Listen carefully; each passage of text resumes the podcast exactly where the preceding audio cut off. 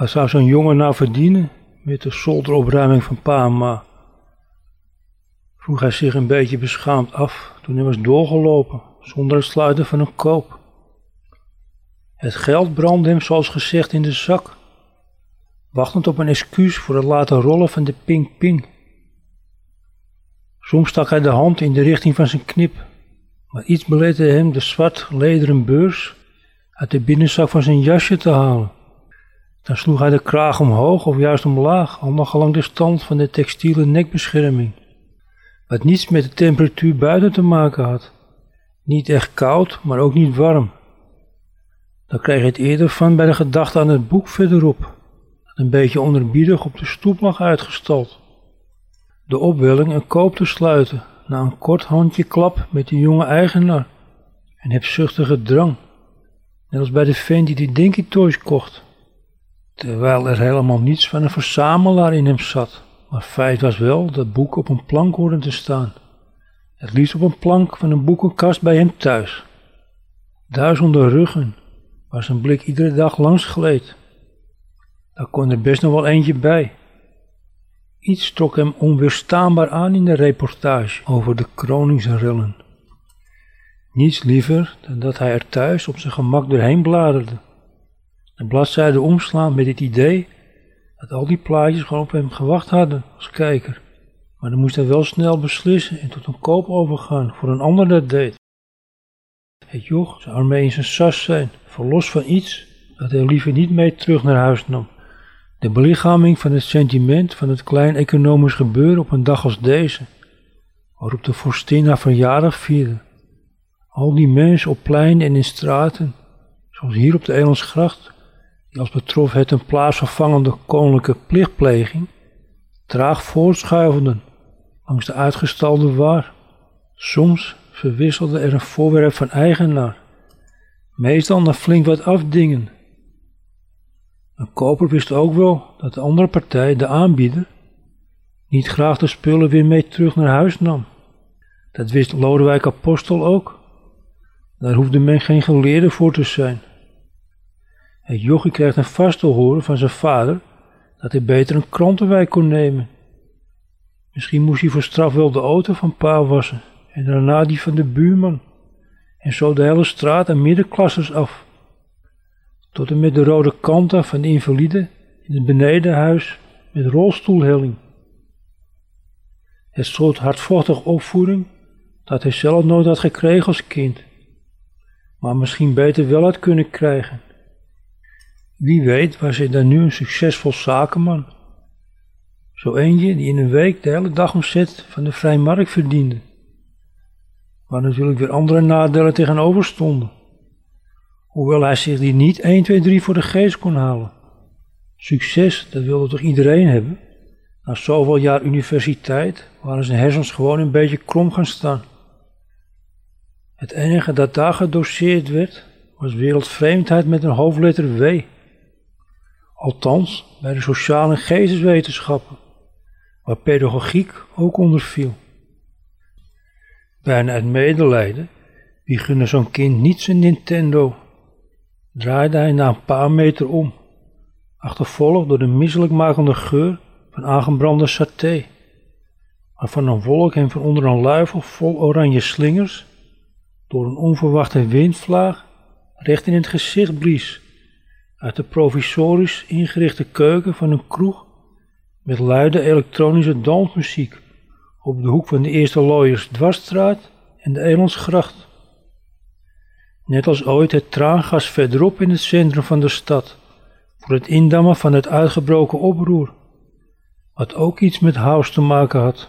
Het zoveelste tumult in het rijtje bouwvakrellen, nieuw marktoorlog en als opmaat voor de onlusten op 30 april de veldslag in de Vondelstraat tussen ME en Krakers, waar een weekend lang een door omvergeworpen bouwketen gemarkeerde vrijstaat was gevestigd, de grootte van anderhalve putdeksel. Hadden de krakers op alle toegangswegen naar het huis barricades opgeworpen om een nieuwe ontruimingsactie te verhinderen. Het smaakte naar meer. Aftellen dus tot de 30 april.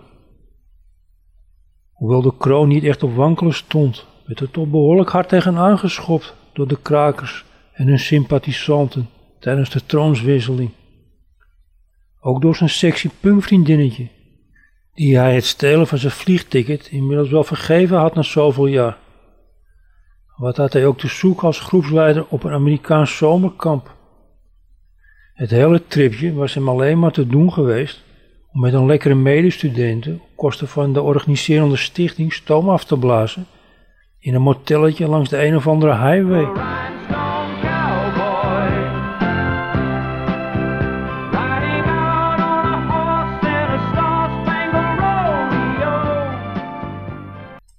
Wat zou er voor mooie Jorien geworden zijn? Waarschijnlijk een tanig onderwijzeresje met een knotje, die nooit kinderen heeft gekregen onder een mom dat ze er een klas vol van had. Niet het fotochique modelletje dat de cover sierde van de klossiebladen. Hij wist nog hoe je soms dacht dat zij het was die op de omslag van de Vogue of de Marie Claire stond wanneer hij langs een kiosk liep. Weggegooid geld als de nieuwsgierigheid, vermengd met een gezonde dosis mannelijke jaloezie, het won van de zuinigheid. Het kon er niet bij hem in dat zij met haar knappe smoeltje de dagen sleet als juf voor een klas vol sproetenkoppen. De tafel van drie. 1 keer 3 is 3. 2 keer 3 is 6. Maar dat was op 30 april 1980 nog in nevelen gehuld. Van die geel-gore rook die de adem afsneed en op de traanspieren werkte. Of er een paar honderd kilo ei werd gepeld, met het keukenraam open, van restaurant de gestampte Hollandse pot, of anders de uiasje in de mens aan de Damstraat, waar hij zijn tegenpool ontmoette. Een toeval dat wel eens geregisseerd kon zijn door het noodlot zelf, wat hem diep van binnen toch ook wel een beetje opwond. Meer misschien nog dan wanneer er van een rimpeloze verhouding sprake was geweest ooit.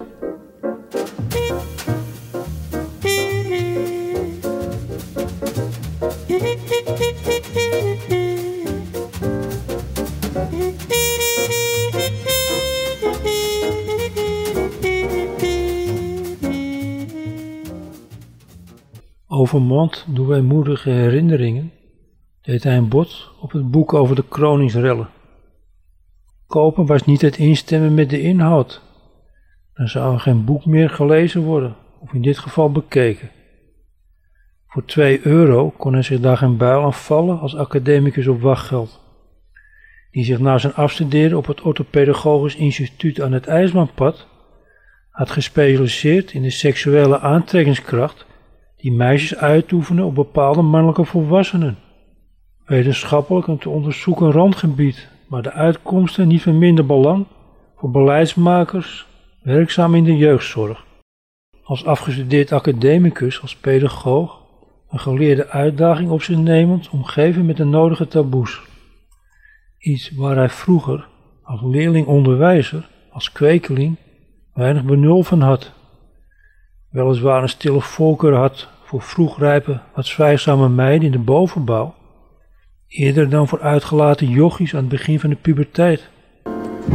Meisjes van dertien, niet zo gelukkig. Meisjes van dertien, er net tussenin. Maar dat had verder weinig met seksuele aantrekkingskracht te maken tussen een volwassene en een minderjarige. Niet meer dan het verlengde van zijn heteroseksuele geaardheid, de grens ervan aftastend. Geen enkele notie van pedofilie. Ook niet toen hij zich erin had laten luisteren door zijn vriendin, die dus helemaal geen 18 was, zoals ze toen beweerde. Dina IJsselstein, die hem als minderjarig lustobject, toen al dwars door de kaft van het nog niet eens gekochte boek aankeek op de vrijmarkt. Maar dat bleek thuis pas echt een niet ontlopen confrontatie met zijn verleden, hoewel hij zich vaak genoeg had afgevraagd wat er van haar was geworden. De helft van een een-eigen tweeling, waarvan zij het horende gedeelte was en de ander doof als een kwartel. Twee druppels water, droog en nat, voor zover dat dan mogelijk was natuurkundig gezien. Een auditief gehandicapte tweelingzus bij wie sinds de geboorte de hamer niet goed op het aanbeeld sloeg in het kraakbenen labyrint en de schelle binnengekomen klank pardoes verdwaalde, maar voor de rest op als wat en gezegeld met een gouden strot, zo bleek later.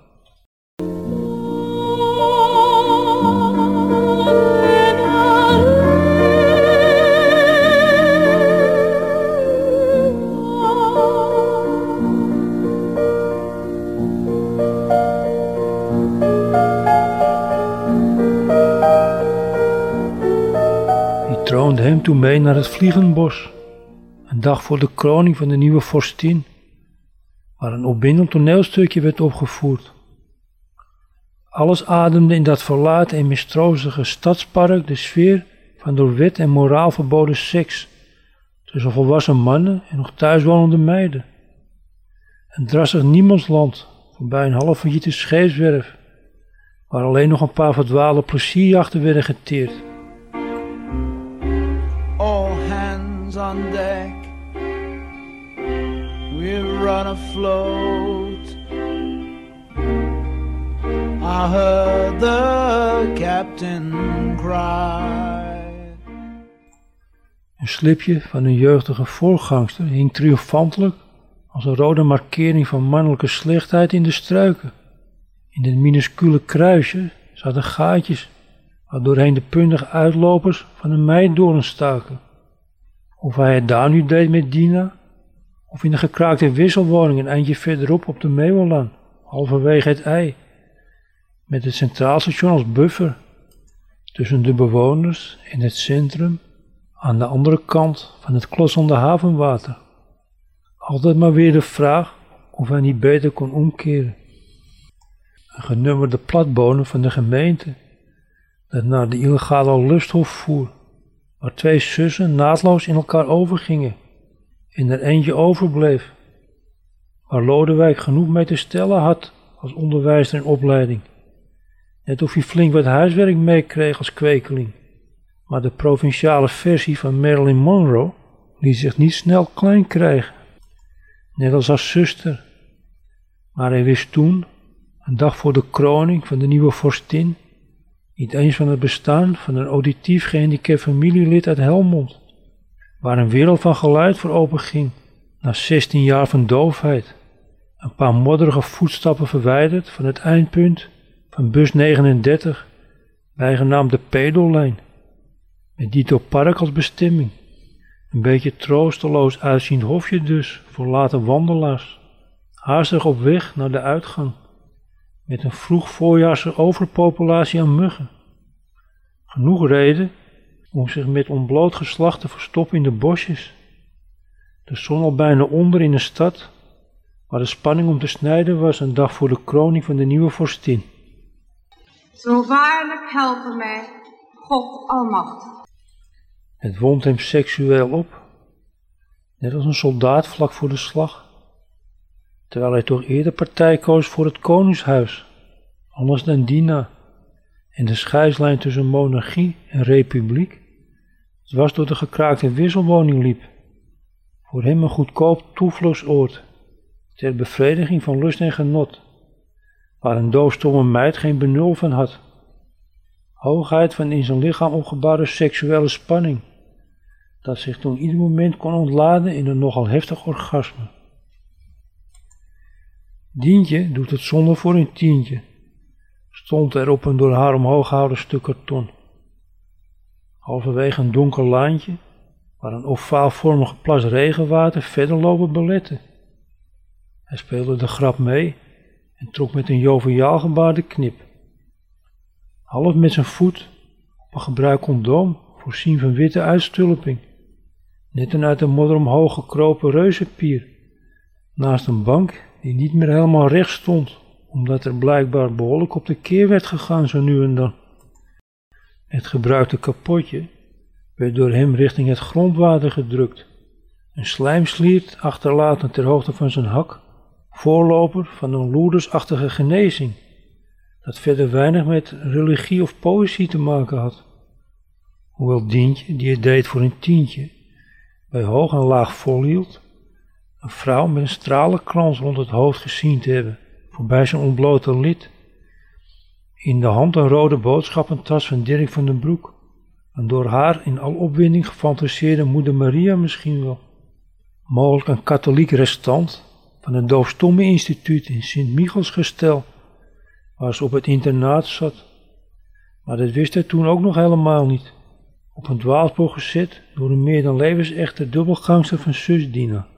Alleen haar stem kon het bedrog ontmaskeren. Daarom kon Lodewijk er achteraf hard om lachen dat ze volstrekt onherkenbare keelklanken uitstoten. Wijzel naar haar mond, de gullen van zijn broek opengerist, graaiend in zijn slip voor het tevoorschijn halen van zijn stijf geworden mannelijkheid. De, de, de, de, de.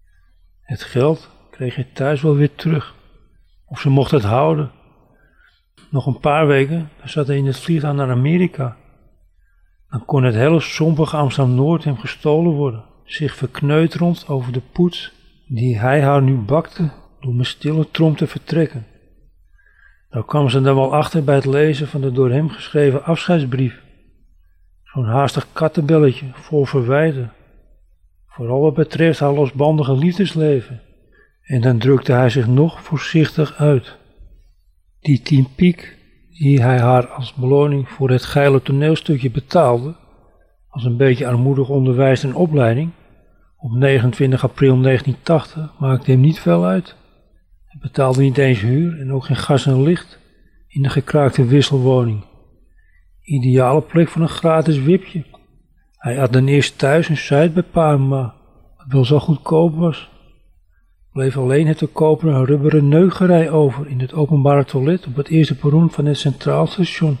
Zogenaamd op weg naar zijn vriendin in een studentenfletje met de strippenkaart van zijn ouders. Dat had hij ze wijs gemaakt. Daar schepte hij dan over op tegen haar, zijn punkvriendinnetje. Een tweede Nancy Spungen, die de vriendschap met Sid Vicious van de Sex Pistols niet overleefde. Now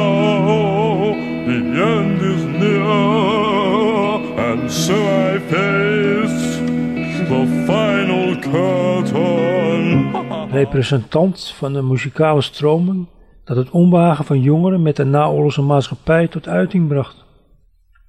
Dat was haar op het lijf geschreven. Vandaar het witte haar dat alle kanten uitstak als zeegras. Het uiterlijk als statement. Dat had hij heel goed bestudeerd in bed.